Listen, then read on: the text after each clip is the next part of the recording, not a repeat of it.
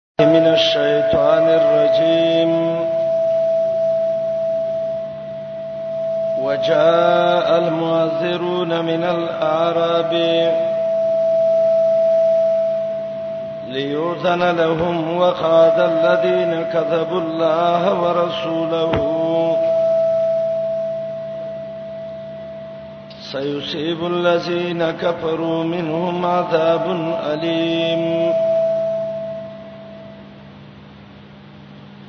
سوره توبه کې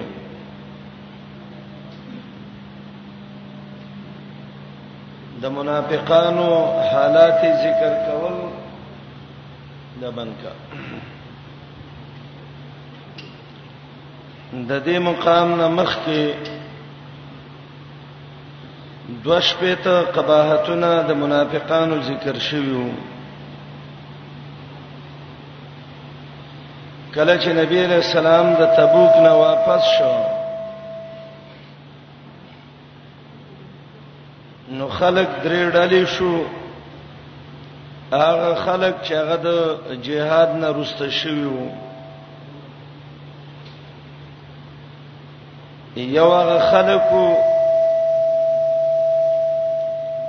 چې غیرالو د دروغ عذرونه او باندې وکړي عذر نه و لیکن دی د دروغ عذرونه پیش کړل دویمه خلکو چې هغه د الله او د رسول تکذیب کړو هغه بالکل رانل عذر مزر پیش نکو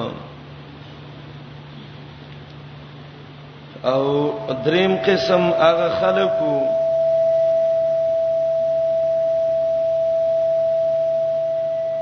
چې د جمعات پستنو پورې ځانونه تړلی وو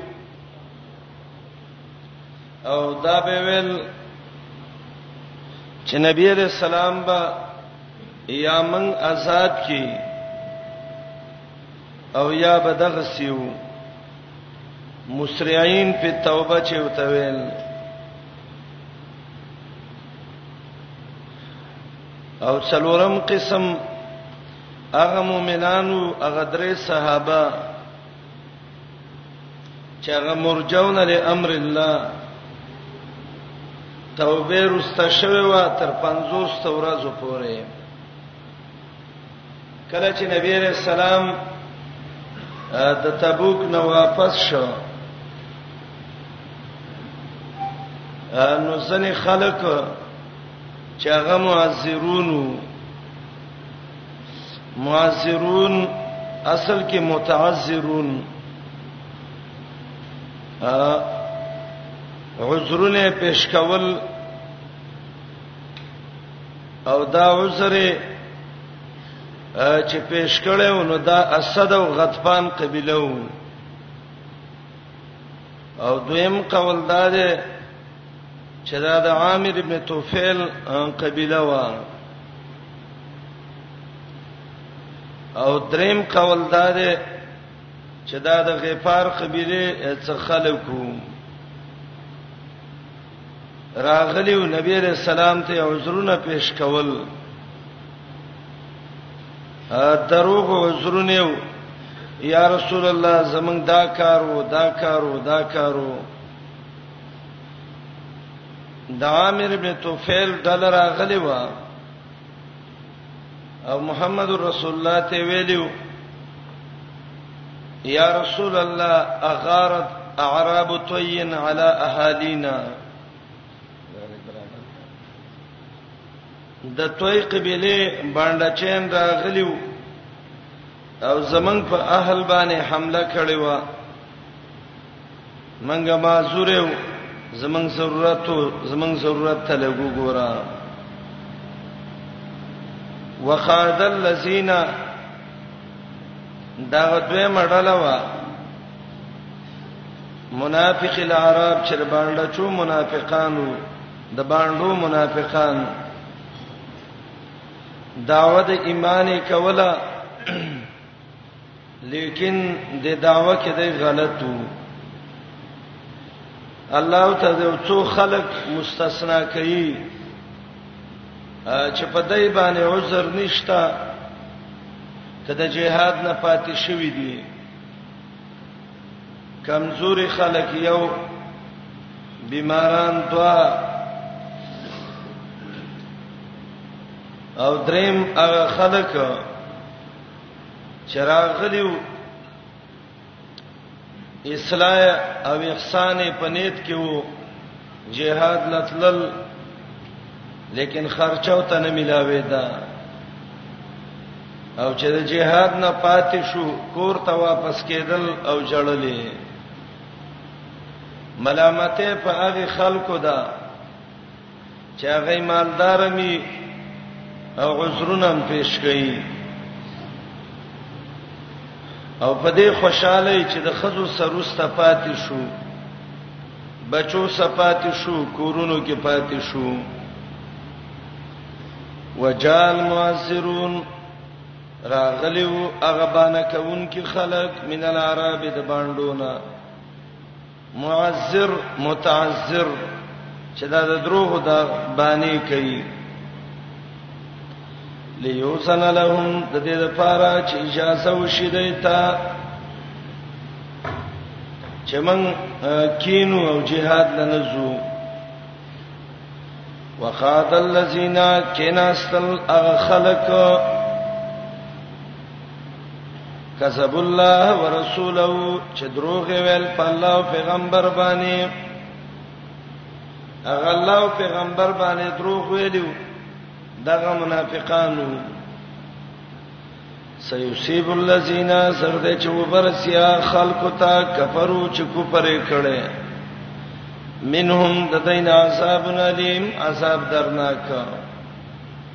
ناکار درناک عذاب الله به ته ورسوي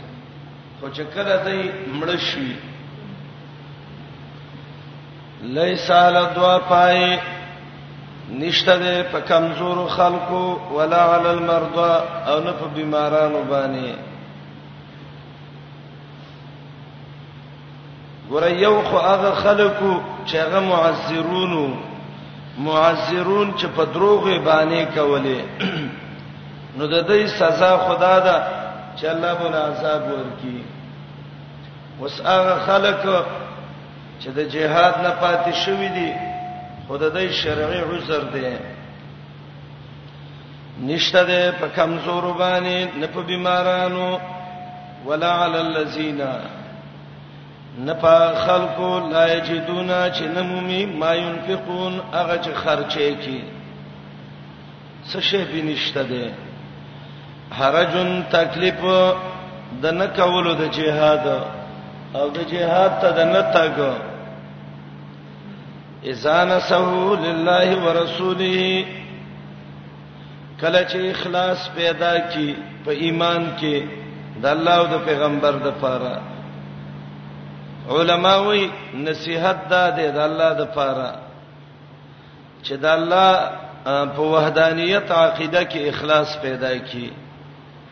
د اولوہیت صفات د الله ثابت کی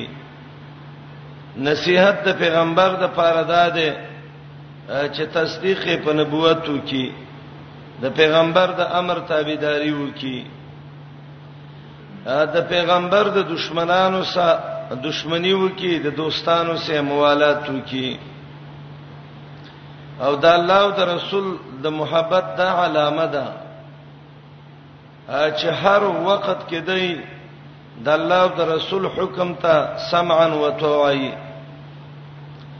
د قران نصيحت داده د قران تعلیم وکا اکرام وکا دفاع د قران نه وکا دعوت د قران وکا یو شرط داده خرچه او سنشتا او دویم شرط داده نسهو لله ورسوله اخلاص پیدا کړي د الله او د پیغمبر د پاره اخلاص په عمل کې د الله د پاره اخلاص په عمل کې د پیغمبر د پاره مال المحسنین من سبیل نشته ده په خلق باندې چې د اخلاص والي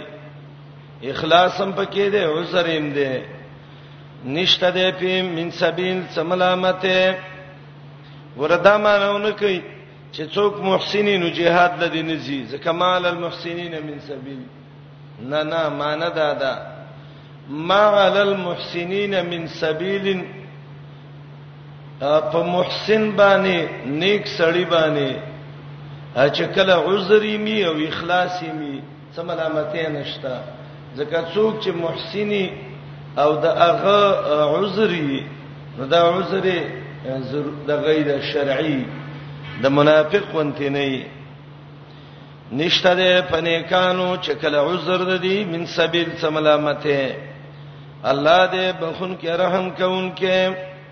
ولا علی الذین دا بل ډله د صحابه وو یو قول دا دی چې دا د مقرن زامنو درې ورونه وو معقلو سویدو نعمانو دویم قول دا دی چې دا ابو موسی شریع او داغه مرګری وو دریم قول دا دی چې دا عرباز ابن ساریه رضی الله عنه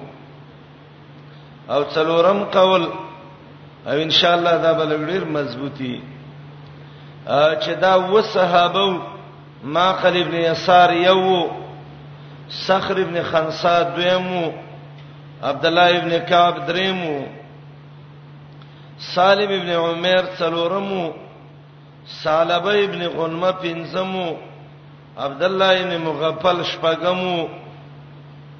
علي ابن زید دا وصحابو را نبی علیہ السلام ته ویلې رسول الله جهاد ته زو من څه خرچه نشتا سورلې نشتا منګه چا سمرګری کا نبی علیہ السلام ته ویلې اما سن سورلې شته دی او نه را څه خرچه شته دی زې کورونو تلار شي رب به یو مقبر ابره کی جهاد ته بلار شي دا صحابه روانو کورونو ته او جړلې په چغو چغو باندې ولی الله یجدو ما ينفقون چې د جهاد خرچه وسنوا الله وای د سي مخلصین باندې ملامتې نشتا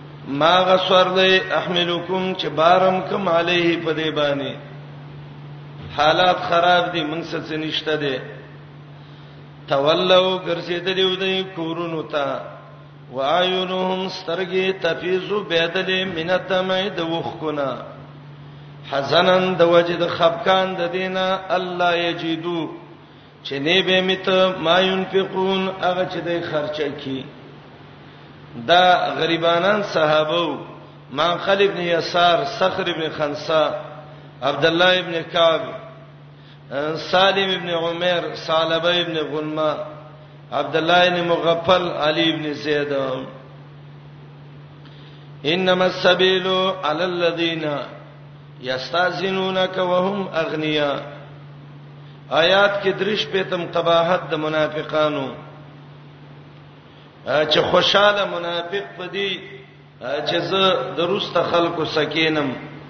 خزو سناستم بچو سناستم انما السبيل يقينا ملامت د عذاب د سبیل نه هغه ملامت مراد ده چې عذاب په ور کول شي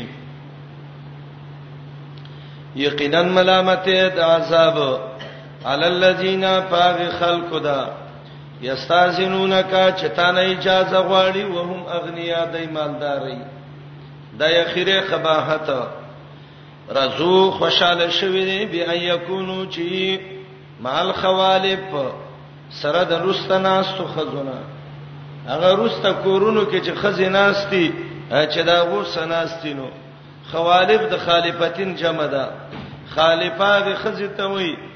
چې خاوند ته jihad لاله شي دا کور کې پاتې شي وتب الله مهر لګول الله على قلوبهم د دې پزړونو فهم لا يعلمون نو دې نه پويږي نبی علیہ السلام د تبوک نه راغې کله چې د تبوک نه راغې سراج المنیر لیکلی دی چې څه د پاسه دیرشت منافقان په اول قدم کې رال دا عذرونه پیش کول یا رسول الله یو ویل خزم بیمار ده بل به ویل بچې مې مړ کېده بل به ویل دولګي مړ کېدو چا به ویل ما باندې کافر حمله کړې ده چا به ویل دروان شوم او بس پیسې را نور کې شیدا باندې معنی کولې د دروغو په څه میټر لګیدل دی ویل به چې څنګه به په خلیو لورل الله تعالی پیغمبر خلکو ته وی چې به زه عذرونه مکوي مونږ ته الله ویلي دي تاسو منافقانی وي او دروغ ویل د منافق سړی جامه ده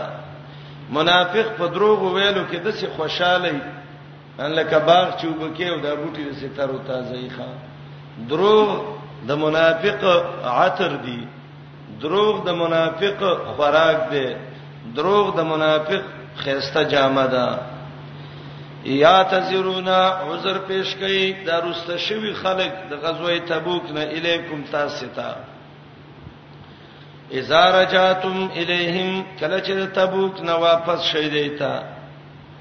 دا عذرونه پیش کول د دروغ عذر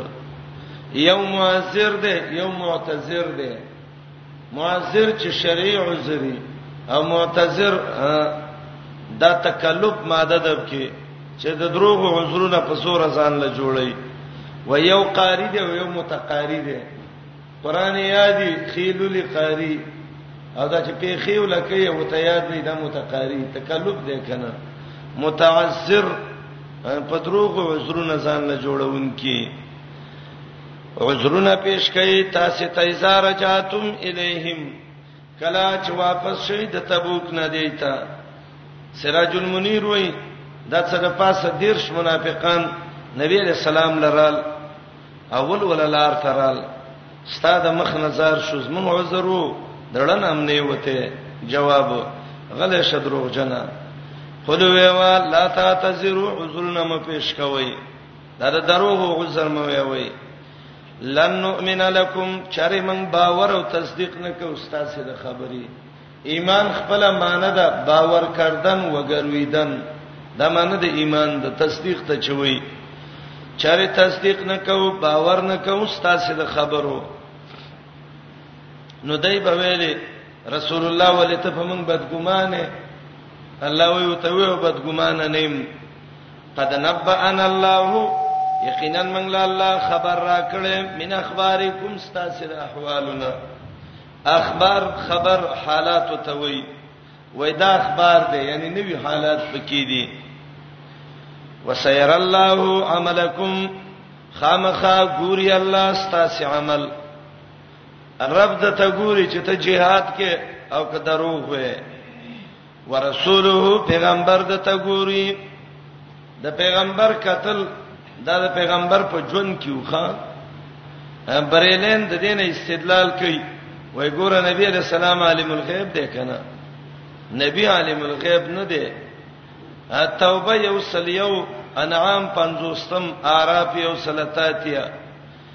هود یو دیش نمل کی علی سبیل العموم نفي د علم غیب ده چې د رب نه ما سوا بل څوک په غیب نه پیږي ګوري پیغمبر ستاسو عملونه دا دغه په زندګۍ کې بیا به واپس شي هغه الله ته چې عالم دی په پټو باندې او شهاده او په ښکار باندې هغه رب چې په پټو عالم دی هغه رب چې ښکارو باندې عالم دی هغه له باور شي او کچیر ته نبی علیہ السلام عالم الغیب وې نو دې جملې ته به څه ضرورت وو چې ثم تردون الى عالم الغیب ولی به به نبی علیہ السلام عالم الغیب وکنه خدا جمله ویلې اشاره دې ته ده چې عالم په پټو په ښکارو صرف الله دی بیا به ور وګرځولې شي او تردون د مجهول صيغه ویلې ځکه مړې په خپل اختیار نه ځي قبر لا بلې واپس کوي واپس بشي اغه الله ته چې عالم دې په پټو پخکارو پينبئکم خبر بم کی پاغه څه چې تاسو کوم عمل کوئ سيحلفون بالله خامخ قسمونه کوي په الله باندې سین تاکیدی دی ښا یا زر دې چې آینده کې به قسمونه کوي اذن قلبتم الیہم کله چې ور وګرځي دیتا دا قسم د سره پاره کوي لتورزو عنهم چې مخواړوي د دینه قسمونه کوي دیلا چې مخته واړوي اے نبی علیہ السلام فارزو عنهم تاسو ته راز وکي ګوري ورونو د لتورزو د ارزو کې فرق دی ښا فرق دا دی دلی تورزو معنی دا ده چې تاسو ته مخ واړوي څه غم غرض په ونه لري او ته وایي چې زه خیر دی او عبد الله ابن عباس سی وایي دا په اعرضو چې راغله ده دا د تعرضونه جدا ده د دې معنی دا ده اے نبی بایکاټ وسوکا سلام کلام خبره اترې د منافق سړی سم کوا د جهاد نه چې متخلفي بلا عذر شرعی فاعرضوا عنهم عبد الله ابن عباس وی د دین مراد څه ده ترک الکلام والسلام او دا معنیونه کوي ګوره چې هغه دا دروغ وای چې تاسو دې مخ واړوي او زه خیر دې ته و نه زه خیر دې نه دې دلته د آرزو معنی دا ده پوره بای کارت وسو کو ورکشه منافقه وای مخ دې ورکشه لتورزو چې مخواړه وای د دینه فارزوانهم پر مخته واړه وای بایکاټ وسو کوي انهم رجسون یقینا دا پلید دی نجس دی ادمردار نه چې څونه لري ګټه کې به دنیا کې حکم ادار چې رجسون منافقانو ته الله سب غوسه شوه وته وای پلید دی ومأواهم جهنم زید ورته کې جهنم دی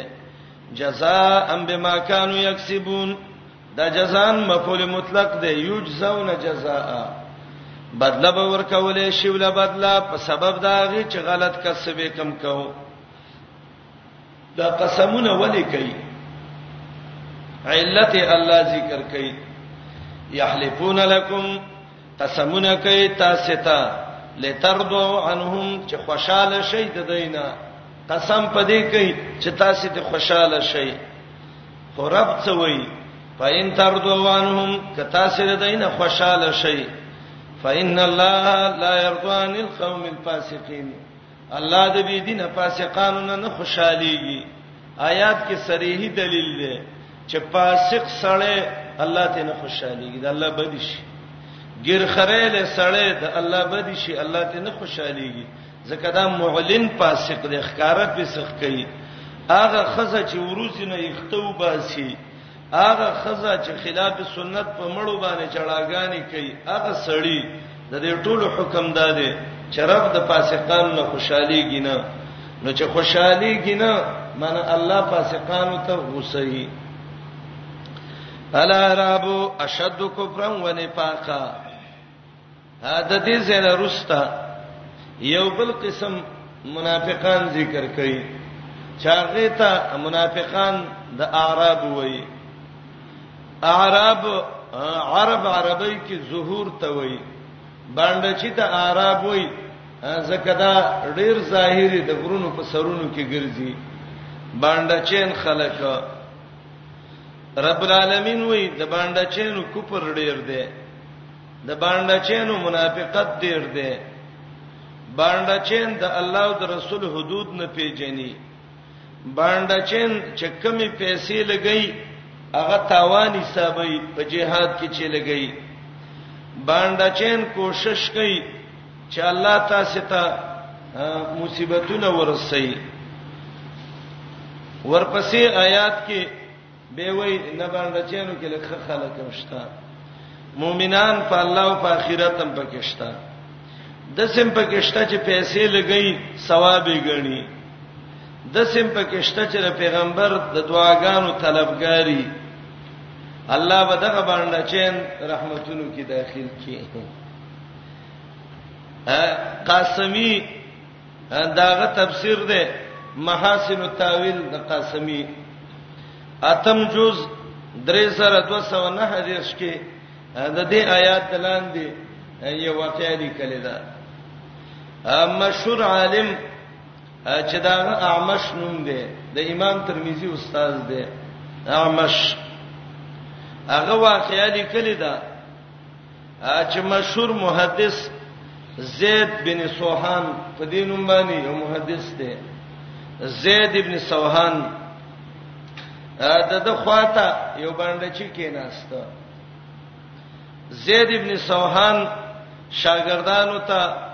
درس کوي لګې دې بهترین احادیث وایي د باندې چې باندې ډېر اثر وکړ او مشهور جنگ چې شوو چې هغه ته یوم نهاوند ویلې د نهاوند په جنگ کې د څنګه کې بره د زید ابن سوهان لاس کټ شوو دا باندې چې دی عالم ته ګوري دسي بیخ کته شي به دې بل طرف ته وګوري هډیر متحیر شه نو اخر زید ابن سوهان وتوي گاونډي څه چل شوی ته ما د حیرانې نو هغه باندې تم قلتوب خیراغه وتوي ان حدیثک یعجبنی دا درس دې ډېر مزه را کوي و ان یدک لیریبونی او دې لاس ته چې دې ګورم دې شک کې چلې ما نو زید ابن سوحان وته وای تپوس دنه دا کومه دا لاس دې زما لاس کې څنګه شک کې هغه وی چې لاس ته دې ګورم زویم چې کې دې شي د اخلاق کړی دا لاس دې اخلاق کې والی او چې حدیث ته دې ګورم ناشنا سره زید ابن سوحان وته وای ساده یو خو چې لاس کټ کیږي غلا کې خلاص کټ کی زما چپ لاس کټ دی دویم لاس مړوند کې وای زما بر اوګه کې وال شوې دی لاس دا د نهاون جنگ کې وال شوې دی باندې چې وای والله ما ادري اليمين يقطع ام الشمال پیغام نه چې خلاص وای او کچپ وای خدای لاس ته ګورم چې شکی کېږم د باندې چې لکه چې غلا کې وال شوې زید ابن سوهان وخندلې وای صدق الله والله رښتې ویل دي چاله عرب او شد کفر ونه پاکه باندې چین ډیر قام خلیخه واجدر الله يعلم حدود ما انزل الله د نور لزا حشکی یو خیال کلی دا طالبای کې موږ لیدلې و باندې چې راغله دمشق بخار ته کله چې دمشق ته راغې ما خامونز دې امام مخ کې شوې دې او لګې دې خیرت وې او دا یاتونه شروع کړ الا عرب واشد کفر و نفاقا باندې چینو کفرم سخی منافقت می قمقلمی خیراتونه تاوان غني الله دې دې ملکی باندې چی ډانګي تلاش کړي او د پنځم صف نه ورودنګل یو څو غره به د امام وو وای ته څه کې مونږ کې زمون غیبت کې امام مونږ قطع نه ک کله چې دویم رکعت ته پاتې ده نو دا یاتونه ویل ومن الاعراب من یؤمن بالله والیوم الاخر باندې چینو کې مؤمنان هم شته دي دی باندې چې په مونږ کې چغه کړه وای الان علمتک ایمانی بلا سا زما د ډانګي نظر شو خپل ایمان مې ته اوس په وکړه چې په مونږ کې مې باندې اقرار وکړ چې او د باندې چینو ایمان هم ورڅ شته دی ښا نو دا سادهګان دي ډېر زیات سخت صحابه وي منګ لا بډیر خوان دارا کو چې جمعه ته به باندې چی راغی زکه هغه به ناشنا ناشنا خبرې کولې ای باندې چی راغله جمعه ته یسته په وړو په وړو په جمعه کې په ولاړې شروع وکړه صحابه په چغه کړې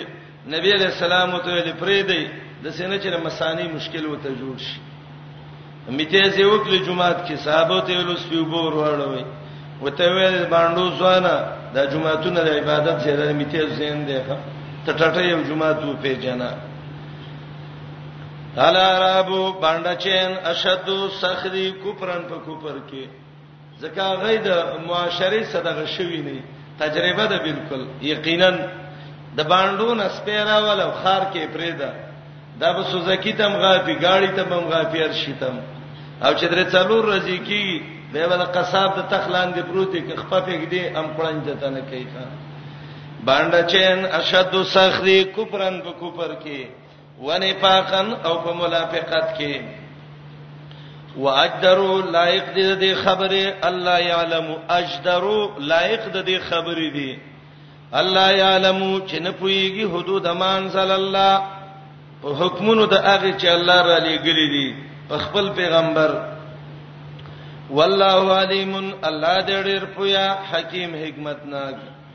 رب ډیر پویا دی ډیر حکمت ناک دی ومن العرب باز باندې چینو کې من هغه څوک دی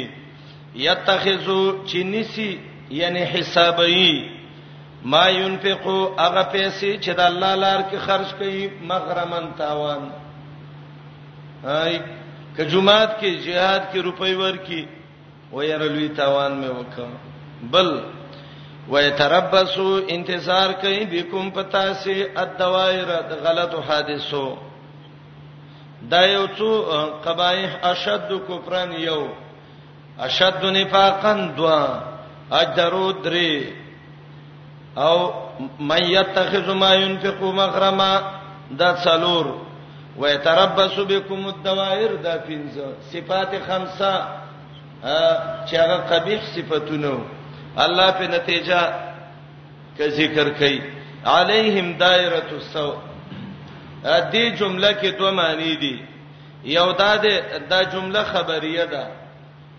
جمله خبریه کې صرف اخبار مقصدی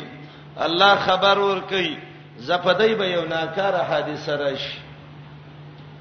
او دویم مقصد دا دعا او شر ده علیهم دایره السوء پدای باندې دی اپت ناکاره علیهم الله دې پدای په وسته کی دایره السوء ناکاره پد چغه عذاب ده د څه باندې چین دی الله مړ کی الله دې ډېر اوریدون کې ډېر پویا دویم قسم عرب او د دې عرب صفاتونه یو یؤمن بالله دویم والیوم الاخر دریم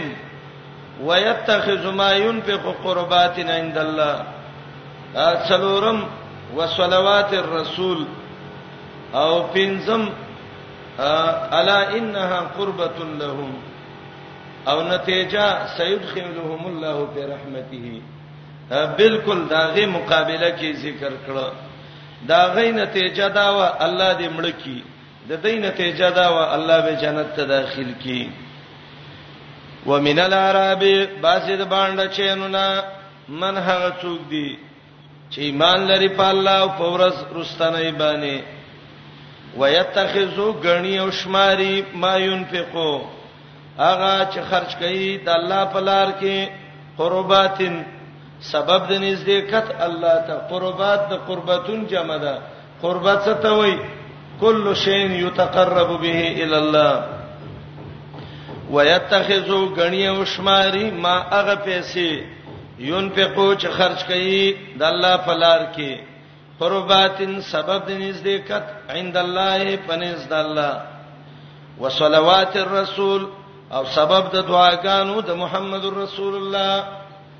صلات دعا ته موي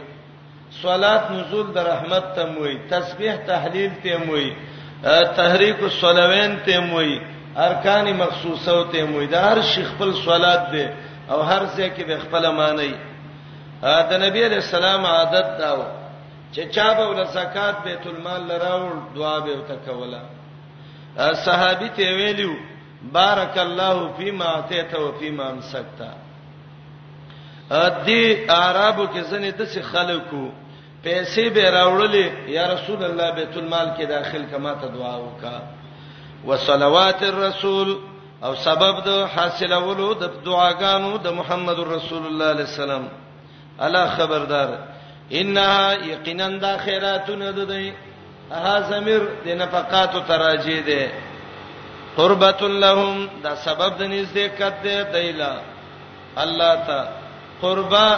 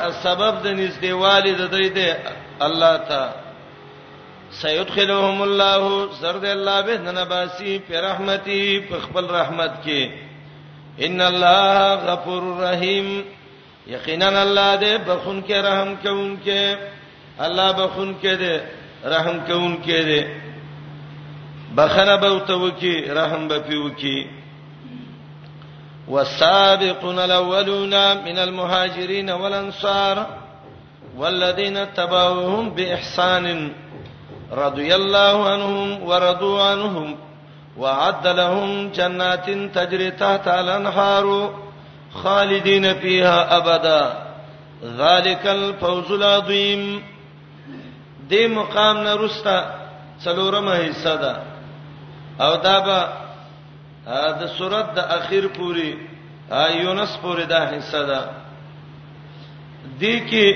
بیان د مؤمنانو دی درې قسمه مؤمنان ذکر کړي یو مؤمنان چې هغه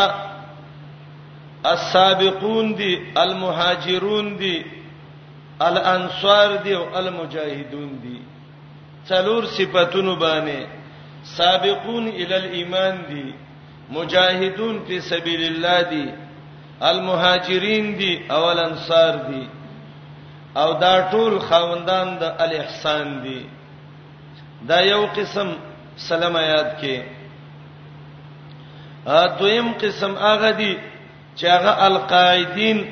المسرعين په توبه د جهاد نه پاتې شوی دي خو توبه ته ډېر په منډه را ورسېدل توبه وستا او دریم قسم القائدین المتکاسلین په توبه ا د جهاد نه ناس شوې دي لیکن توبه لکه په مزه استدا نو توبه کې وخم راغلې ده دا درې قسمه الله ذکر کوي او دیب سرسته به رد ده په بازي افعال د منافقانو او غرض په کې تحذير ده مؤمنانو لا چې مؤمنانو د څه کارونه کوي ترغیب جهاد ته ده یو ادب ذکر کوي چې مشرک له بخنه نه غواړي او اخر کې دوه خبرې را مات کوي اتباع رسول وکړه عقیده د توحید برابر کا دا آیاتونه د سورته توبه د دې څخه رستا لګ ډیر توجه باندې اوري زکه دې کې د قران ډیر عجیب عجیب فواید پراته دي والسابقون الاولون من المهاجرين والانصار دا خلک څوک دي چې الله وی سابقون ال الايمان دي او الاولون دي او مجاهدین دي مهاجرین دي انصار دي سعید ابن المسیب بویلې دا سعید ابن المسیب د ابو هريره جنو زوم دی د بداویل دا سابقون الاولون دا هغه مهاجر دي چې دوو قبلو ته مونږ کړه دې ذل قبلتين دادی عطا ابن ابي رباح په ویلي دا هم اهل بدرن دا د بدر صحابه دي امام شابي په ویلي چې دا د بیات الرضوان کې چې کوم صحابه دا خلک دي لیکن دې ټولو کې بهترین قولونه چې دي چې هغه د قران د فهم سره چې د دې آیات تفسیر پکېږي او من تر ډیر معتمد او خخ کار کیږي نو ان شاء الله دو تفسیر دی آیات کې یو تفسیر دی د محمد بن کعب القرزی دا ډېر ښه مفسر دی د قران محمد ابن کعب القرزی امام الوسی روح المانی والا خازن اند د محمد ابن کعب القرزی قول نقل کړی دی چې سابقون الاولون من المهاجرین والانصار دا یو جماعت دی د صحابه والذین تبعوهم باحسان دا دویم جماعت دی د صحابه سابقون الاولون دا هغه صحابه دي چې ایمان مخ کې راوړل دي او هجرت او نصرت د پیغمبر ته د ټولو نور مخ کې شوې دي نو سابقون الاولون هغه صحابه چې ایمان ته مخکې شوی دی هجرت کې مخکې شوی دی او نصرت کې مخکې شوی دی نو هجرت کې د مکی صحابه او نصرت کې د مدینه صحابه نو اولنی مسلمانان د مهاجر او د انصارو الله په السابقون الاولون سره ذکر کړ من المهاجرین والانصار او والذین تبعوهم باحسان ا د دینه مراد ټول صحابه دي نو د آیات معنی بدای شي چې هغه صحابه چې هغه هجرت او نصرت ته او ایمان ته اول را مخ کې شوی دي او دویم هغه صحابه چې دغه صحابه په سي په دویمه درجه کې دي رضی الله عنهم ورضوا عنه الله ټول صحابه ته معافي کړی دا الله ته خوشاله دی آیات مقصد باندې پوه شئ ګورئ دو قسمه صحابه ذکر کړه آیات کې یو صحابه دي هغه چې ایمان ته د ټولو نه مخ کې شوی دی هجرت او نصرت د ټولو نه مخ کې دی او دویم هغه صحابه دي دا کبار صحابه دي چې دیب سي روسته کشران صحابه راغلي نو مشران او کشران ټول صحابه الله ته خوشاله دي والله ول جنت ورکړي دا ګټ لګبن کین دا شور وبینه کی نو دا آیات محمد ابن کعب القرزی وای وای دا آیات ټول د صحابه سره لګی توجه باندې خرابوي من چې کم کار لراغلی خپل کار وکاو هغه به خپل کار کوي البته نو د آیات مقصد باندې پوه شوې د دې تفسیر مناسبه چې که صحابه مشران دي او که کشران دي د ټولو نه الله خوشاله دی او ټول جنتین دي دا تفسیر محمد ابن کعب القرزی کړی دی دویم تفسیر هغه دا دی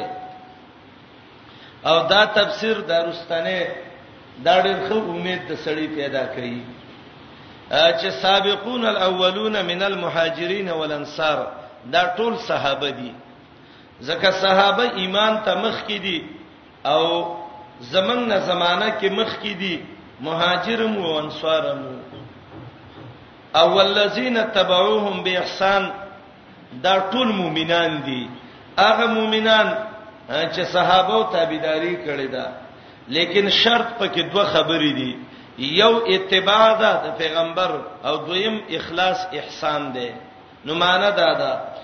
ټول صحابه او تا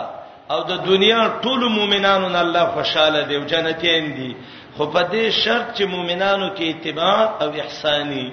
نو د دویم تفسیر مناسب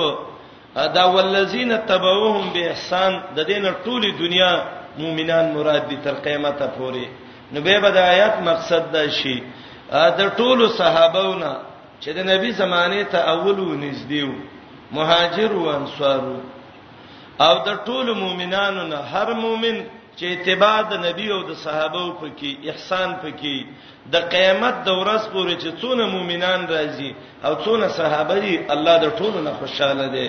نو به آیات کې صحابه او د ټولي دنیا مؤمنان مراد دي دا دوا ډېر ښه تفسیرونه دي سابقون ال الايمان هغه خلک چې ایمان ته مخ کړي الاولون باعتبار الزمان چې زمانه مخکې ده اول ایمان ته څوک مخکې شوه دی جابر رضی الله عنه وی اول مسلمان خدیجه وا بیا علی رضی الله عنه عبد الله ابن عباس وی اول مسلمان خدیجه ده د ابوبکر ده عروه رضی الله عنه وی اول مسلمان خدیجه ده د زید ابن حارثه ده بعض علما وی اولنې مؤمن ابوبکر ده بعض وی اولنې علی ده بعضی وای اولنې زید ابن حارثه ده بعضی وای اولنې خدیجه الکبرى ده تطبیق ډیر اسان ده په غټو سړو کې اولنې مسلمان چې ده ابوبکر وو په خزو کې اولنې مسلمانه خدیجه الکبرى وو په ماشومانو آزادو کې اولنې اصل ماشوم چې مؤمن دی علي ابن ابي طالب دی او په مرایانو کې اولنې مسلمان چې دی زید رضی الله عنه دی او د روایتونو د سه معلومیږي چې علی العموم په ټوله دنیا کې د ټولو نه مخکې مسلمان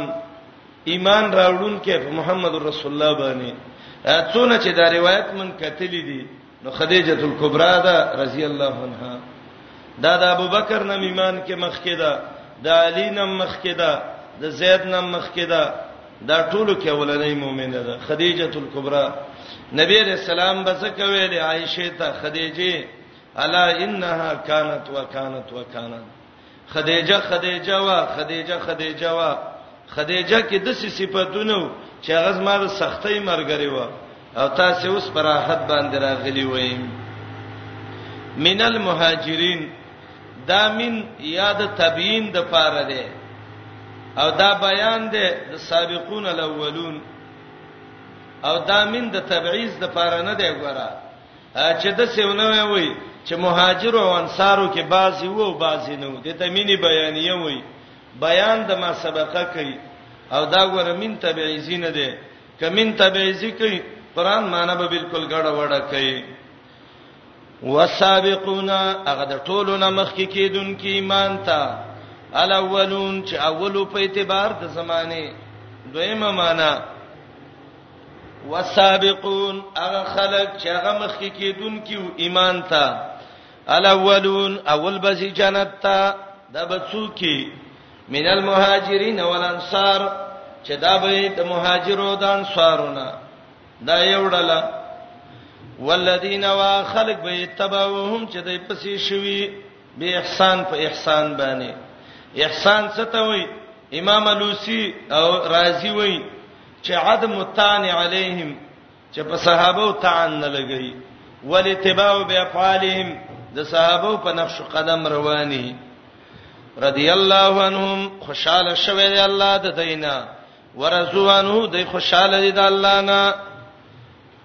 الله دې زمونږ د ټولو نه خوشاله شي او تیار کړي الله دایله جنتونه چې بهيږي بلاندې دا غینه ولې خالدین فیها همیشه به دې کې ابدان همیشه ذالک الفوز العظیم دا لویه کامیابی ده وې پلانې پوچتو نمبرو کامیاب شو پوچتو نمبرو کامیاب هغه څوک دی چې الله ته خوشاله شوم وممن حولکم من الاعراب منافقون به زول بحث ته مسله واوخته د صحابه په بحث کې د منافقانو بحث راوون اشاره دی ته ده اے صحابه تاسو سادهګان مؤمنان وي منافقان دوکماران دي پیژنې نه د سینګوره چې ایمان دل خراب نکي دا غچانا چې ستاسو نه چا پیر دي من العرب د باندې چونه د دې باندې د خلقونه منافقون منافقان دي وممن حولکم من العرب منافقون ومن اهل المدینه زجاج وی آیات کې تقدیم او تاخير ده او معنا اصل کې د سیدا وممن حولکم من العرب ومن اهل المدینه منافقون مردو علی النفاق دا هغه چانه چې ستاسو نه چاپیره باندو کې اوسېږي او د مدینه کې اوسېږي منافقان دي مردو علی النفاق چې اخته شوی دي په منافقت باندې وممن حولکم من الاعراب ومن اهل المدینه منافقون مردو علی النفاق ا سودی وای و یو ځل نبی علیہ السلام د جمعې پر ورځ خطبه ویلې خطبه کې ویلې یا فلان یا فلانیا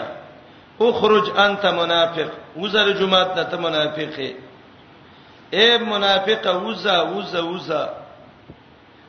نو نبی علیہ السلام د بازو کې به تعین وکړه لکه روسته د آیات کې دي سنعذبهم مرتين وای د دین یو عذاب دار چې د جمعې په ورځ و شرمېدل او دویم عذاب دار چې اخرت کې بدایل سزا ورکې دي شي مردو علی النفاق منافقت باندې اخته شوی دي او لا تعلمهم تاسو ته پته نشتا امام الوسی وای دې آیات کې دلیل دی په دې چې محمد علی السلام عالم الغیب نه دی که عالم الغیب وي نو د مدینه او د باندو منافقان به ته معلوم وي الله وی ماته پته ده تاسو نشتا سنعذبهم مرتين ثم يردون الى عذاب عظيم آیات کې درې عذاب ذکر دي یو دا ده چې الله وی زول دوزل عذاب ورکوم او به بلوی عذاب لذي نو دوا عذاب مخکی او یو عذاب رستا مخکینی عذابونه دوه کم دي یو قول دا دی چې یو د دنیا عذاب او دویم د قبر عذاب او دا ثم یردون الی عذاب عظیم دا عذاب د قیامت دی دا معنا واحدی داغه تفسیر دی الوجیز د واحدی ابن کثیرم دا معنا کړی دا چې یو عذاب دنیوي دویم عذاب د قبر دریم عذاب د قیامت مجاهد معنا کوي یو عذاب دا دی چې جیل کې برا وسته شي سبي او دویم عذاب دا دی چې مړ بکړې شي دا مرتين عذاب دی او دا رستنه عذاب دا عذاب د قیامت دی د مجاهد نه دویم قول دی چې مرتين کې یو عذاب جیل او قتل او دویم عذاب د قبر عبد الله بن عباس رضی الله عنهما به ویلي دوه ځل عذاب یې څه دی یو دا دی چې دی منافق حدود په نافذ کیږي دا مولا عذاب دی او دویم عذاب د قبر او دا دریم عذاب د اخرت دی څلورم قول دا دی چې دوه ځل عذاب یو هغه عذاب دی چې روح وتلو وخت کې ملائک ولدا مخونه وي ضرب الملائکه وجوههم عند خروج الروح او دویم عذاب د عذاب د قبر دی ویم د دغه دی د اخرت عذاب دی نو یو عذاب په مرتين کې عذاب دی د روح د وتلو وخت کې غوهل او دویم عذاب د قبر او ثم يردون الى عذاب عظیم دا عذاب دی د اخرت نو وای وممن او باز دا چانا حولکم چې چا پیر استا سینې دي من العرب د باندو والانا منافقون منافقان دي ومن اهل المدینه او د اوسیدونکو د مدینه والاونه د کوم د منافقان شته دي مردو علی النفاق چې همیشه اخته دي په منافقت باندې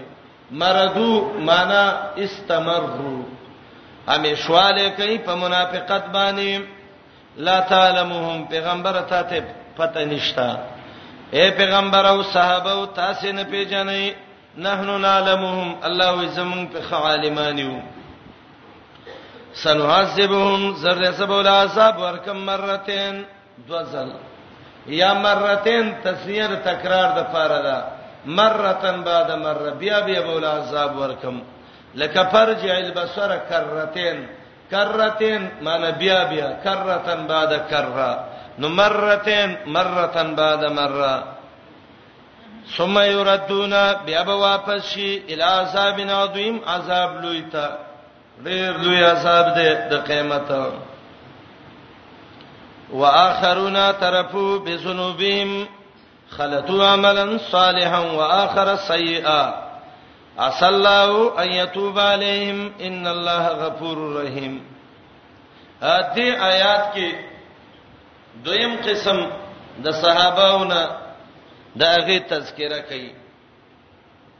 یو خو هغه چې هغه سابقون الاولون مجاهدینو جهاد ته تلیو زالات خوشاله دي جنتین دي واخرون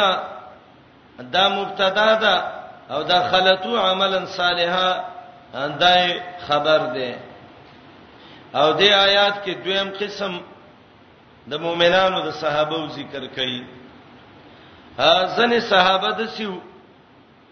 چې تبوک لا تلی نو عبد الله ابن عباس وی دا لس کسانو سعید ابن جبیر وی دا ته صحابه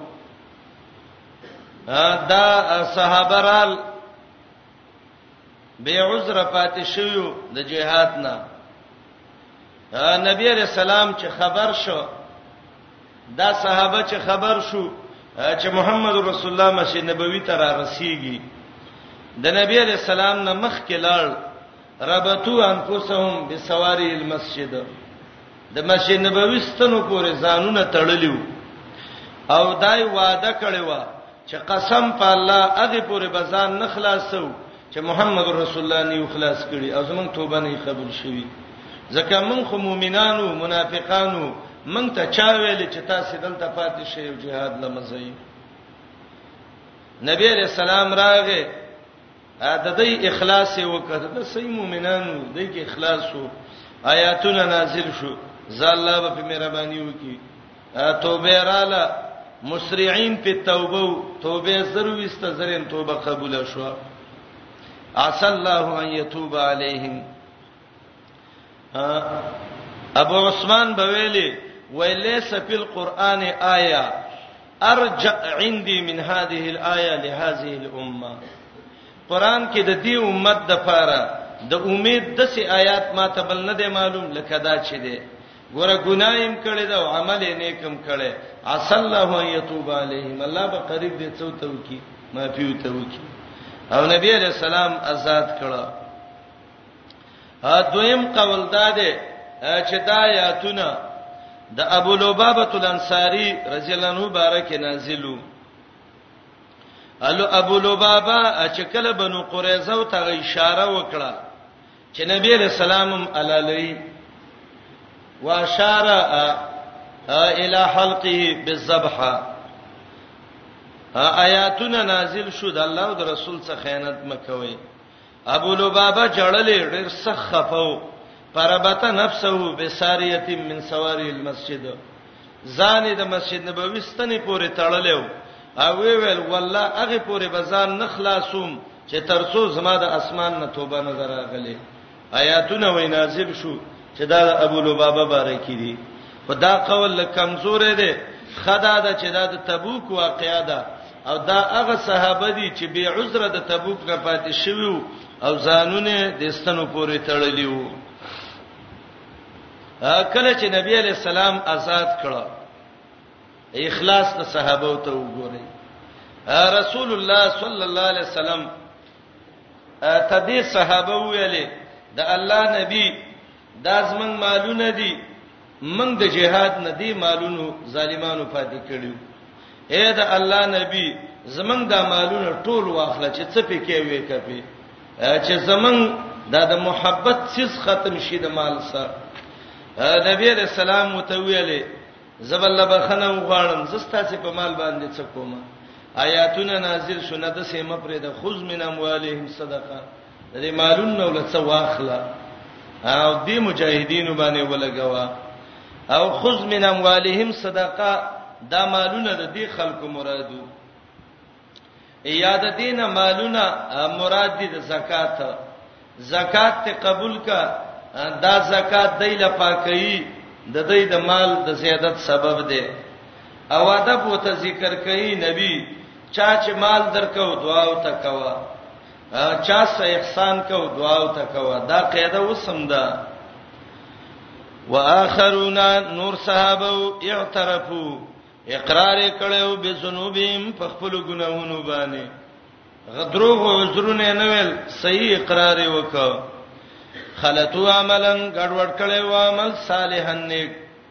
چې هغه جهاد وو یا نیک عمل په خیمانته و په دې عمل واخر نور عملو سیئان بد اصلو قریب دی الله ان یتوب علیهم چې مهرباني وکي په دې توبه قبول کړي بشک الله دې بخون کې رحم کوونکې خذ من اموالهم قبول کا واخذ دې د مالونو نه صدقتن صدقه یا زکات مراد ده یا عام خیرات مراد ده امام بخاری باب ذکر کړي د حدیث راوړی دی چې د مال کې د زکات نه ما سیوم د الله نور حق دی د صدقې فائدہ تو طهرهم پاکه تدیلا په سبب د دې مال د ګناهونو نه تو طهرهم تدیلا پاکه په سبب د دې صدقې د ګناهونو نه وتزکیهم زیته تمال د دې په سبب د دعا ستا تزکیه زیتوالی ته وای اے نبی ته ته دعا وکي د مال الله زید کی یا تو طهرهم ظاهر ولا پاکه وتزکیهم باطن ولا پاکه د دې په سبب وصلی علیهم دعا وکدینا ان صلاتک یقینا استدعا سکنن لهم دا آرام او اطمینان او دمه ده دیله شاول الله سیبلی کی سکنون لهم رحمت لهم دا دیله رحمت ده الله دې سميون ډېر اوریدونکې علیم ډېر پویا الم یعلمو آیا دې ته پته نشتا ان الله بشک الله آیات کې ترغیب دې توبې ته هو يقبل التوبه د الله توبه قبلې ان عباده د خپل بندگانو نه وياخذ الصدقات قبلې خیراتونه د مخلصینو بندگانو وان الله بشک الله هو التواب د توبه قبلون کې ده الرحیم رحم کون کې ده وقل اعملوا وينيك عملنا کوي فسير الله عملكم پس خامخا ان الله ستاسو عمل او پیغمبر پیغمبرینی وحی باندې پیغمبرینی دغه په ژوند باندې والمؤمنون پیغمبري مؤمنان مینی نو کم خلک چې وای چې مخکې آیات کې دا دي چې الله او رسول یې ني او دین علم غیب د نبی ثابتېږي نو به هو المؤمنون د مؤمنانو علم غیب هم ثابتېږي پیغمبر یې ني سراج المنیر وای په وحی باندې او مؤمنان یې ني چې کله پیغمبر وته بیان وکي دا آیات رمات ک بیا یا په تکرار د ډېر تاکید د پاره وکړه یا دې آیات کې دا حکم مؤمنانو ته دی وقول اعملوا فسير الله عملکم مؤمنانو عمل کوي الله می اخلاص ته ګوري او مخکینه حکم چې وو هغه منافقانو ته منافقانو وسير الله عملکم ورسولو وستردون سر دې چې واپس بشي ال عالم الغیب هغه الله تا چې عالم دې په پټو او شهاده او پخکار او باندې دسه الله چې په پټو پخکار او عالم دې پينبئکم خبر بم کی بما کنتم تعملون پاغه څه چې تاسو کوم عمل کوو زکار څو عمل لیکلې دي رب دې په خبر کې واخرون مرجون لامر الله اما يعذبهم واما يتوب عليهم والله عليم حكيم آیات کې دریم قسم د مؤمنانو ذکر کړي عبد الله ابن عباس سیبوی دا آیات دا غدری صحابه په باره کې نازل شوه دی چې د یو نوم کعب ابن مالک او د دویم نوم مرار ابن ربيع او د دریم نوم هلال ابن امیہ یو سلاتلس کې د دې واقعیا ذکر ده وعلى الثلاثه الذين اغه درې خلق چې پاغې باندې زمکه تنگ شوی و ان شاء الله غایات کې واقع به ویم د دې مؤمنانو د دې قسم او د دې مخکینی قسم پرخ دا وخه اغه سمدستی را مخ کې شو ځانونه وټړل توبه زراله دای څه چالو وکړه دا درې صحابه توبې له روسته رال چې روسته رال الله یې پنځوس ورځې توبه روسته کړه او په پنځوستمه ورځ د دوی توبه قبول شوه وعلى الثلاثه الذين ان شاء الله تفسیر کوما واخرون نور صحابه مرجونا چې دا روسته شویو د توبې نه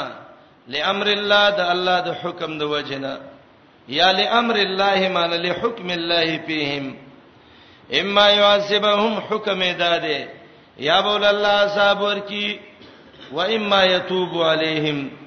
یا به په احسانو کې چې د توبه وباسي الله دې علیم حکیم ډیر پوهه حکمت ناک والذین اتخذوا مسجدا ضرارا وكفرا وتفريقا بين المؤمنين وارصادا لمن حارب الله ورسوله من قبل ولا يحلفن ان اردنا الا الحسنى والله يشهد انهم لكاذبون دې آیات کې د منافقانو حالت ذکر کړي ا د دې آیات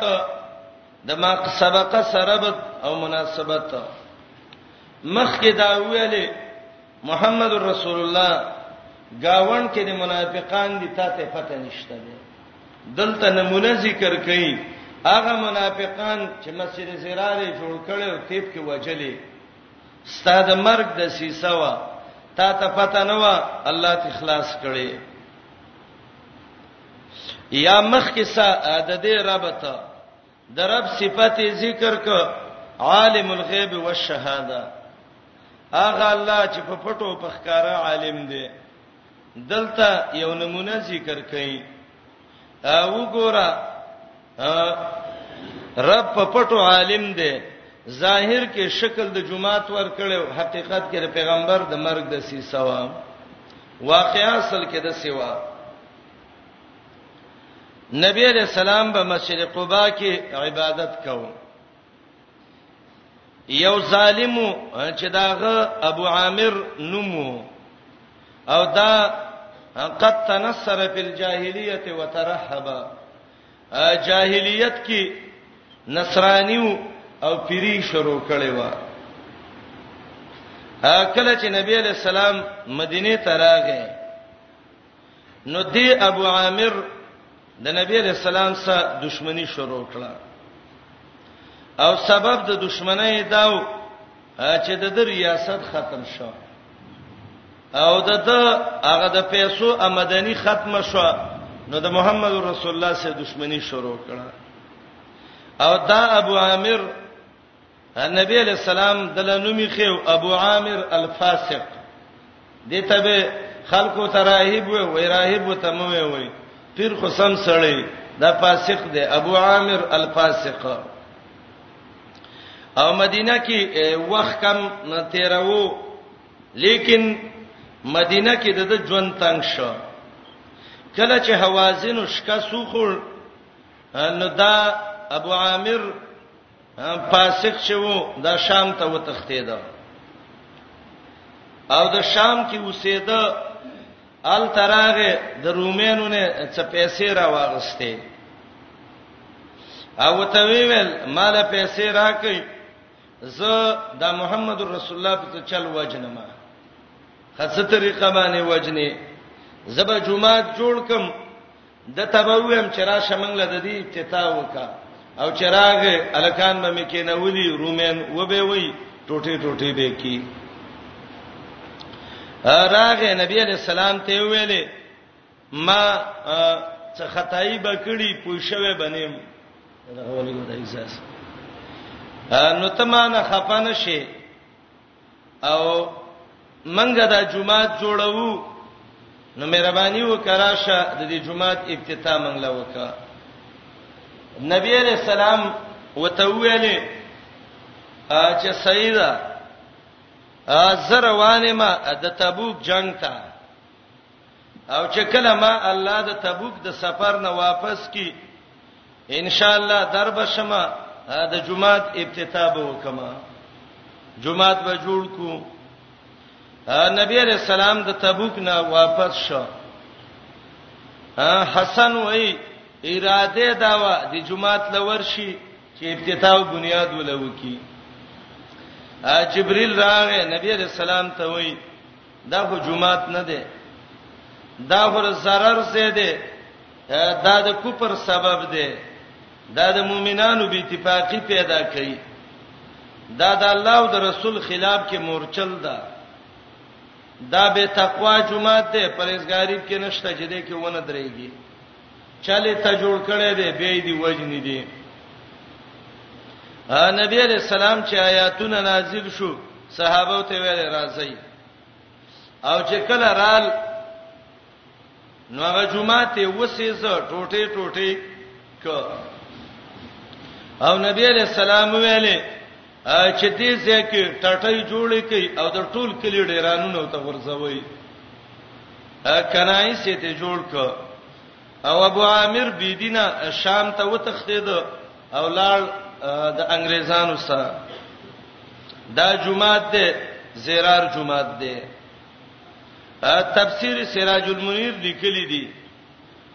هر جماعت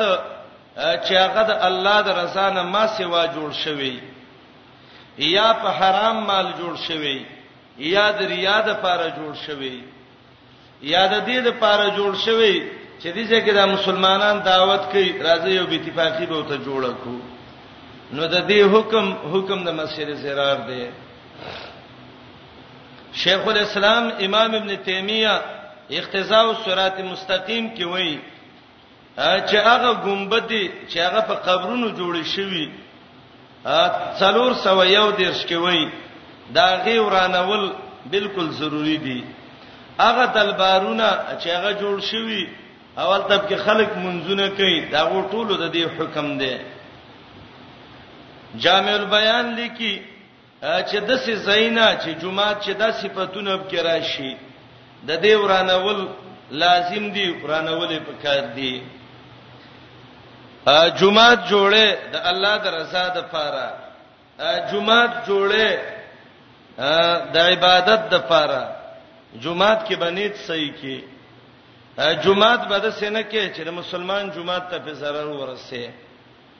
دا څلور پنځه صفاتونه د مسجد زرار دي د کې ونه درېږي او عبد الله ابن عباس رضی الله عنه وی چې د دې ابو عامر فاسق سره دولس منافقان د مدینه میوزې شویو نو په دې عنوان باندې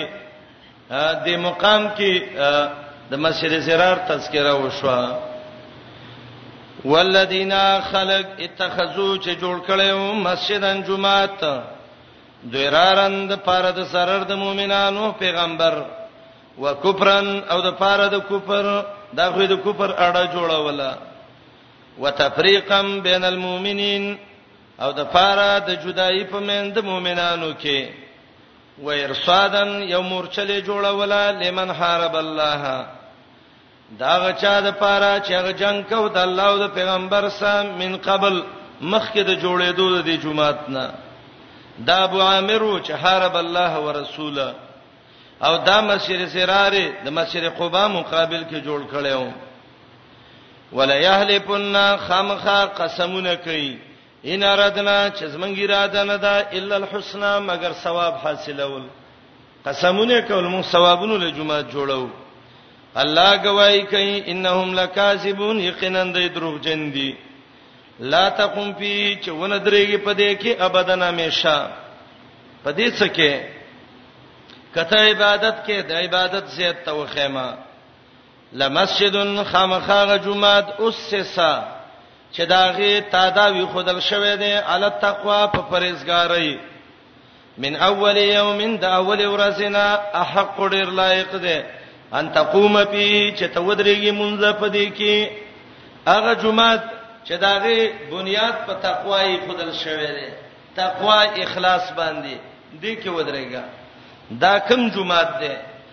یو قول دا دی چې دا مسجد نبوي دی د نبی اسلام جمعه ته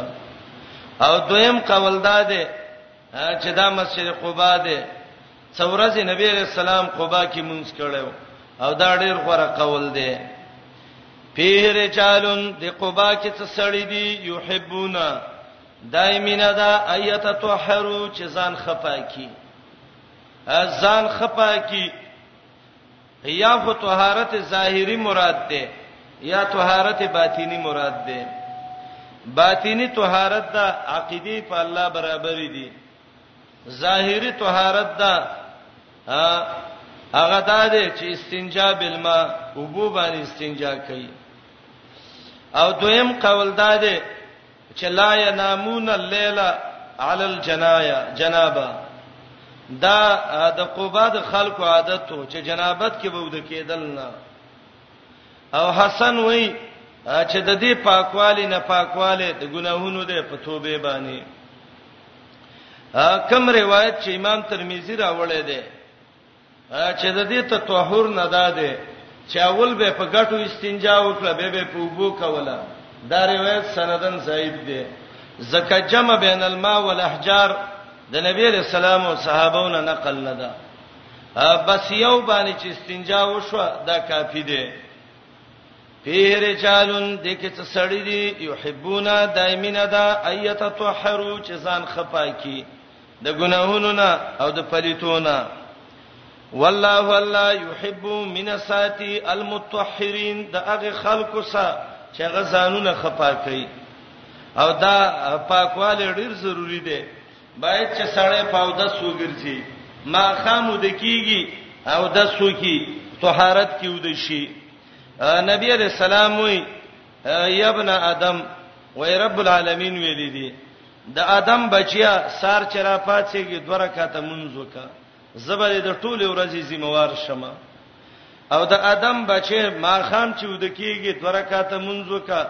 زبر د ټولې شپې ذمہوار شم عادت د نبی علی السلام داو مشکات کې حدیث ده چې کله مونږ به وک ما سوتن به ود کېده نو نبی علی السلام به اخر کې دوه رکعاته مونږ کو او فناست باندې به کو مشکات کې دا روایت ده دې روایت نه دوه پیدې ډېر لوی معلومیږي یو دا ده چې ود کېږي یو دوه رکعاته مونږ فناست وکړه دا د محمد رسول الله سنت ده ناس ته کې څه حکمت ده بس الله پیغمبر کړی دی موږ دا غي اتباع کوو او دویم دې کې دا پیدام ده چې کله ته ویتر وکې نو د ویترو نرستم ته مونشه کوله ځکه دا دوه رکعاته نبی رسول الله بکله د څه وکړه چې اول کې به ویتر وکړه دا به څه ورسته وکړه او دا دلیل دغه روایت دی چې علما تی استدلال کوي الله د پاکو خلکو سمینه کوي پاکي کې ګرځا د سحر نه به بچي اهل علم ذکر کوي چې کوم سړی همیشه په اودس ګرځي هیڅ کله به د باندې جادو اثر ونه کی او الله به شیطانانو د وسوسونه وساتي الله مینه ساتي دا خلکو سات چې ځانونه پاکي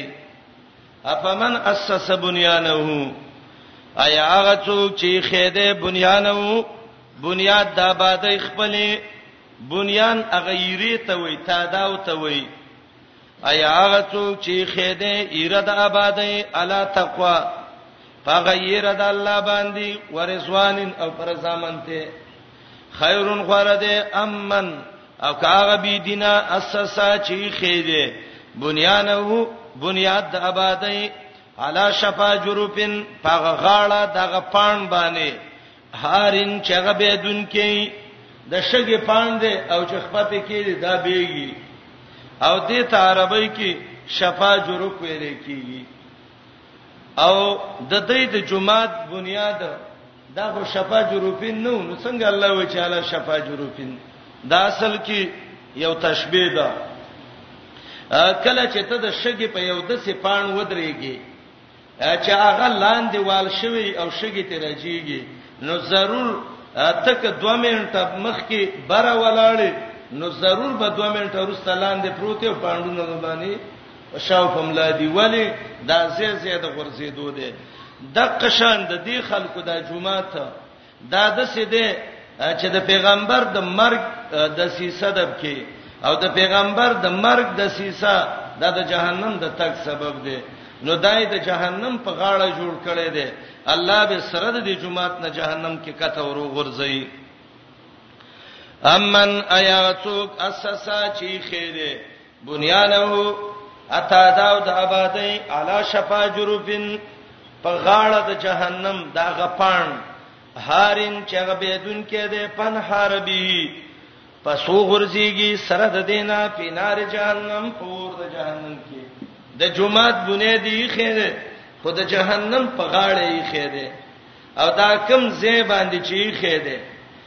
نو د سیده چې دا لاندې وال شوه دی کته ته جهنم دی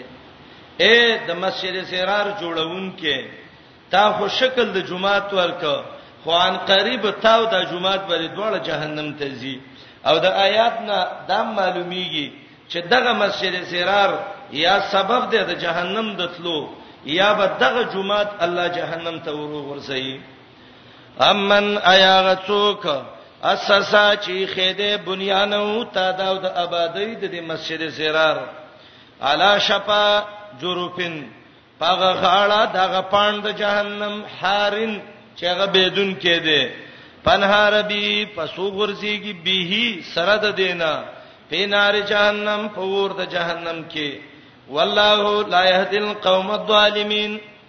الله ثواب نه ور کوي د جمعهتونو قوم ظالمانو ته د قوم ظالم نه دلته هغه خلک مراد دي چې په غلط نیتونو جمعه جوړي لا یسالو بنیانهم الذی بنوا ربتن فی قلوبهم الا ان تقطع قلوبهم والله علیم حکیم دې آیات کې الله دو مرزه د دې جمعه دو سره ذکر کړی دی یو دا دی د خلکو دا آبادی جوړه کړه الله به د دې پسړه کې دا یو شک واچي ریبه شک ته وای د قیامت پورې به دا د دې زړه کې شکی چې څه به کیږي او څه به نه کیږي او دویمه معنا ریبا سبب د غصې دا به قیامت پورې د دې ابو عامر د رزړه کې یو غصې چې جمعه ته وران کو بدلم وانه وست او ریبتن دویمه معنا ده منافقت په قلوبهم د دې پزړونو کې او د زړونو نه به دا غوسه او دا منافقت الوزی تقطع قلوبهم چې دا زړه ول الله ټوټي ټوټي کې او جهنم ته ورو ورځي کم سړی چې په غلط نیت جمعات جوړ کړي دي دا جمعات به رب العالمین د د غصې او د مرګ یو سبب وګرځي او الله به د د منافقت یو سبب وګرځي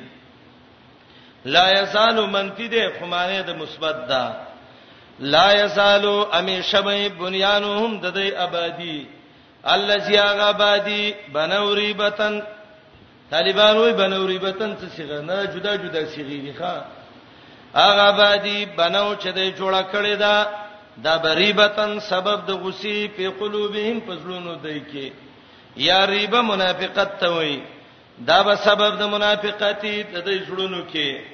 الا ان تقطع دا الا ان دا په مان الا په مان د الا سده الا ان تقطع قلوبهم تردی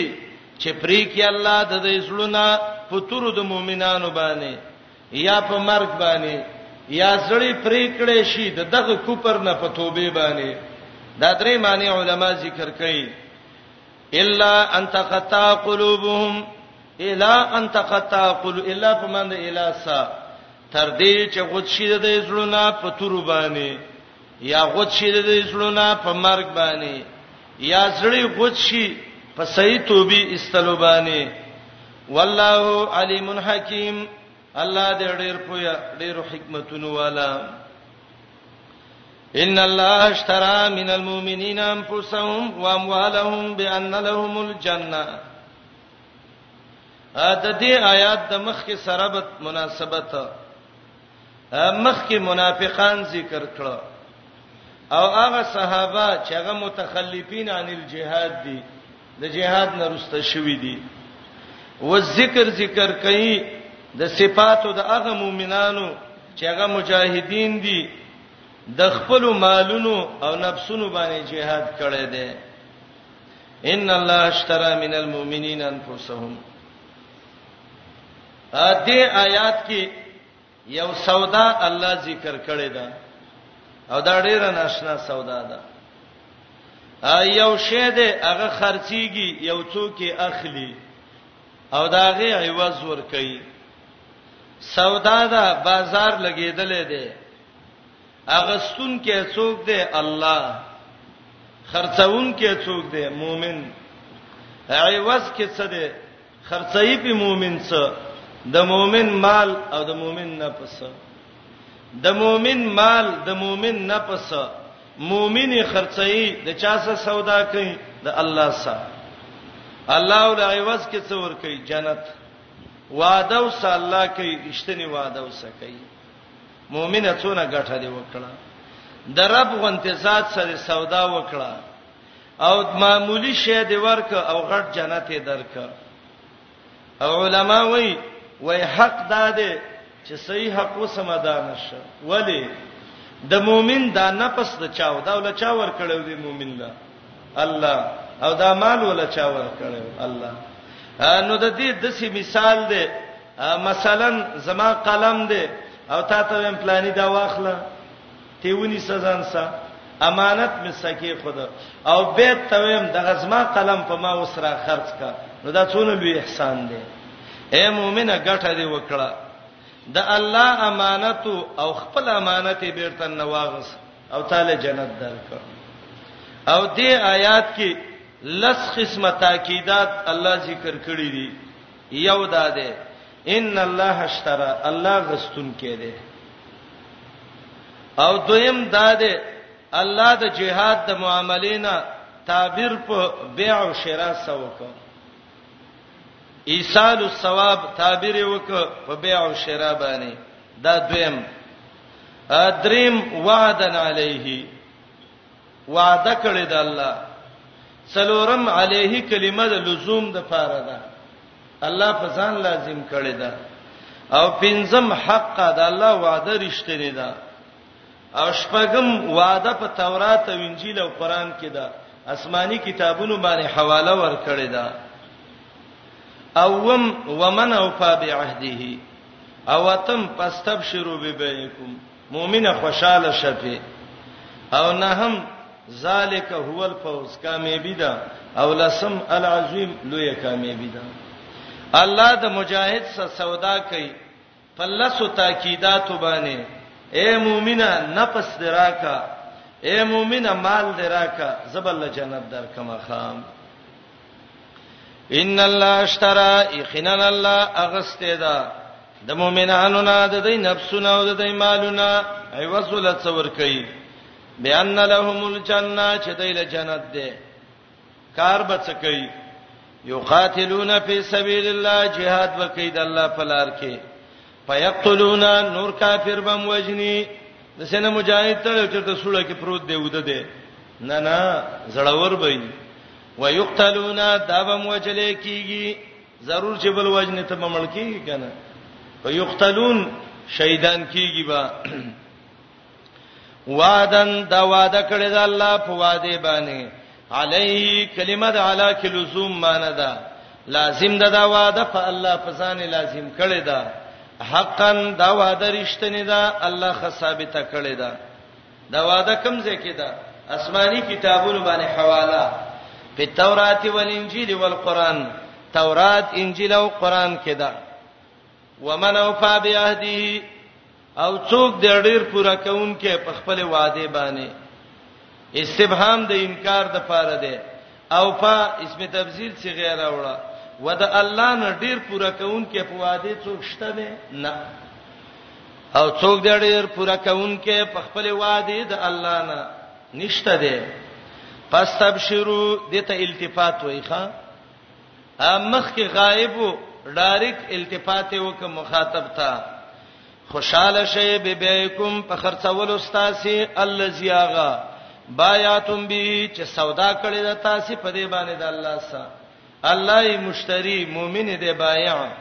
مال او نفس د مؤمن مبيعا جنت دا راس المال وذالک هو الفوز او دا چې دا همدغه د کامیابی العظیم ډیر لوی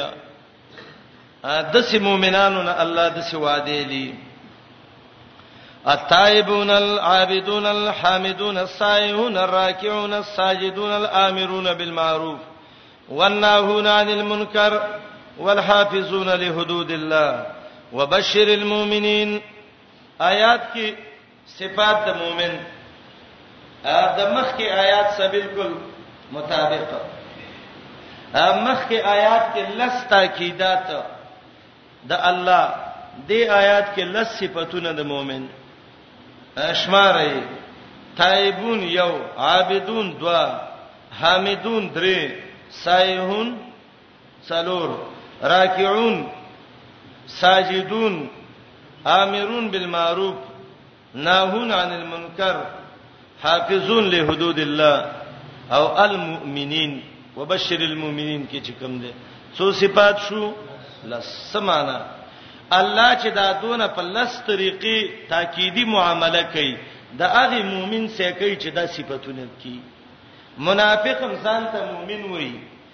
خو منافق څنګه کوي ځکه هغه کې دا صفات حمیده نشته دي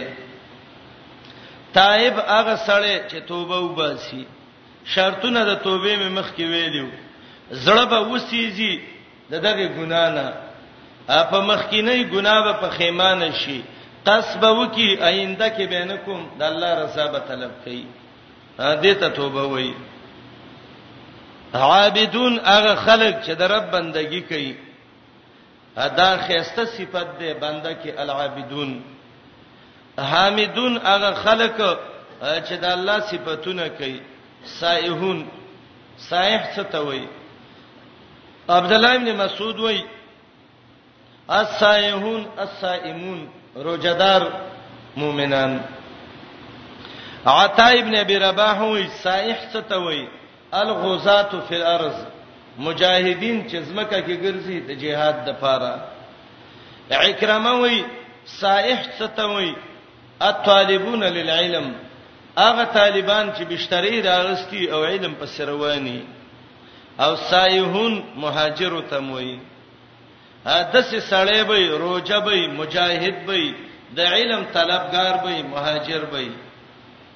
راکعون او ساجدون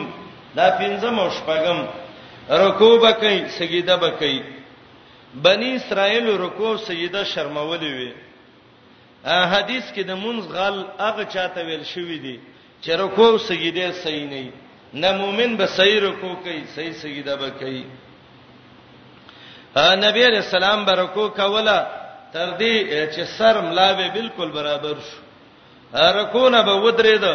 حتا يرجع كل قفار الى موضعي هر اډو کې به زیته ورسید سیده به صحیح کې ځکه سیده چې دا اقرب ما يكون العبد الى ربه بنده چې الله ته ډیر نږدې د سجدې په وخت کې نبی رسول الله دې کډېره دعاګانې کوي مؤمن بدای امر بالمعروف بکای او مؤمن بدای نهی عن المنکر بکئی خدا الله قانون ته وګورئ تائب عابد حامد سائح راکع ساجد امر دې ټولو څه وو ذکر نه کړ او چې کله ونهون تر اورسه نو وو څه ذکر کړ امام ابن قیم وی ووی ذکر که دې کې اشاره د جمع ته او مقصد دا دی یوازې امر بالمعروف کار نه کوي چې ترڅو نه هند المنکر وسه جمع شوی نه وي کته خوګ دین بیانې او تاریخ دین نه بیانې دا دین د کار نه کوي بس ایماندار مونږ کوي او زکاتونه ور کوي روزه دغه کوي او دې او دې سګې دې کوي او خه کوي او بد مکوي نه نه تب نه عن المنکر کې ناروا او تب ناروا وې نو به بچ چل کې ستا دعوت به قبليږي او یا دیتا او او سمانیه وی عربی کې دا قاعده ده چې ګڼ شی نه ذکر کی و چې پوره شي اتم چې شروع کیږي نو انت او او راوړي د وجه د اهتمام د دې اتم نه لکه قران کې راځي غالبا سورته تحریم ده رب وایي که پیغمبر دا خزه طلاق کی الله به ور نور خزه ورکی دا هغه خزه و صفاتونه ذکر کړی دي او چې اتم ترسي چې هغه محتم به شان صفت به نو الله وایي سیبات و ابکارا الته و راوړی دا و سمانیه ده اتم عدد کې راوړی کیږي او عرب د سکی چې متعدد عددونه او قیمتیب کې کمی نو هغه اتم نمبر ته اړي دې ته واو واو سمانیه وای او درېمه وجه دا ده دا د قران حکم دی والله اعلم باسرار کتابه الله په ډېر خپويږي اتایبون توبیستون کی مؤمنان العابدون چې د الله بندگی کوي او ټول جمع ذکر کړي ځکه دا کارونه په جمع فن کوي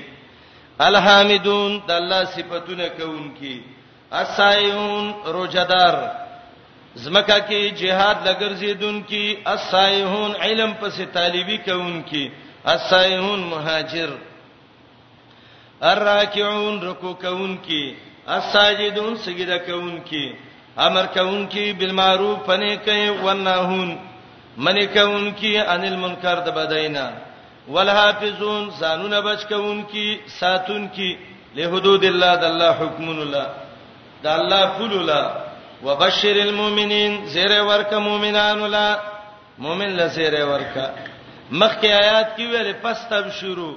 مؤمنه خوشاله شه دلته وی زیر ولا په ورک مبشر به دلته نه د ذکر کړي چې په څه شی باندې ولا زیر ورک د وجه د تعظیم دا غینه چې هغه جنت ده ما كان للنبي والذين امنوا ان يستغفروا للمشركين سعيد بن المسيب وي آیات نازل شوه ده د ابو طالب بارکه نبی علیہ السلام ابو طالب له بخنه غوښته آیاتونه نازل شو مشرک له بخنه نه غواړي اگر کې د خپلې او دویم قول دا ده چې دا نازل شوه دی په بار د ابی ابن سلول کې نبی علیہ السلام بخنه غوښتله ولا الله ویل کاویا سره ولا بخنه وغواړي فائدہ نه ور کوي ولې نه ور کوي مشرک دی ما کان للنبی جائز ندی پیغمبر لا او مناسب ندی ولا او خلق لا چې ایمان راوړې چې بخنه وغواړي مشرکانو لا ولو کانو اولی قربا اگر کوي خاوند خپل ولای که خپل دې هوچ مشرک دې سره ورکا من بعد ما تبين لهم رسدا غنا چې خو ته واضح شو انهم اصحاب الجحیم چې دوی دي خاوندان د جهنم د دې څه مقصد دی دا چاته پته لګی چې دا پلانې جهنم لاله نه نه علما دلته وایي من بعد ما تبين لهم بان ماتوا على الكفر چې په شرک او کفر کې مړ شو بس تا تخکاره شو چې دا جهنمی دی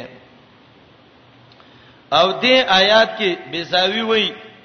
دلیل پدې دی چې خپلوانو دوستانو له بخنه غواړي چې کله موحدینی ځان نه برسه وچ موحد نه جوړه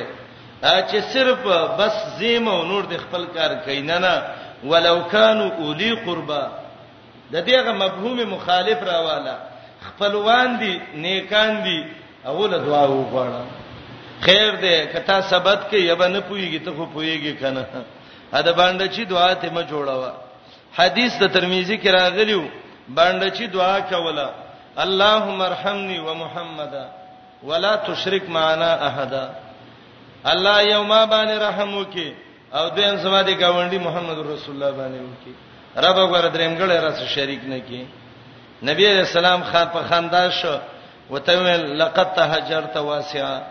د الله پراخه رحم او لوی درې به خو یو کاسه کې دی بند ک د دعا ادب دا دی چې ته ډېر عموم په دعا کې کې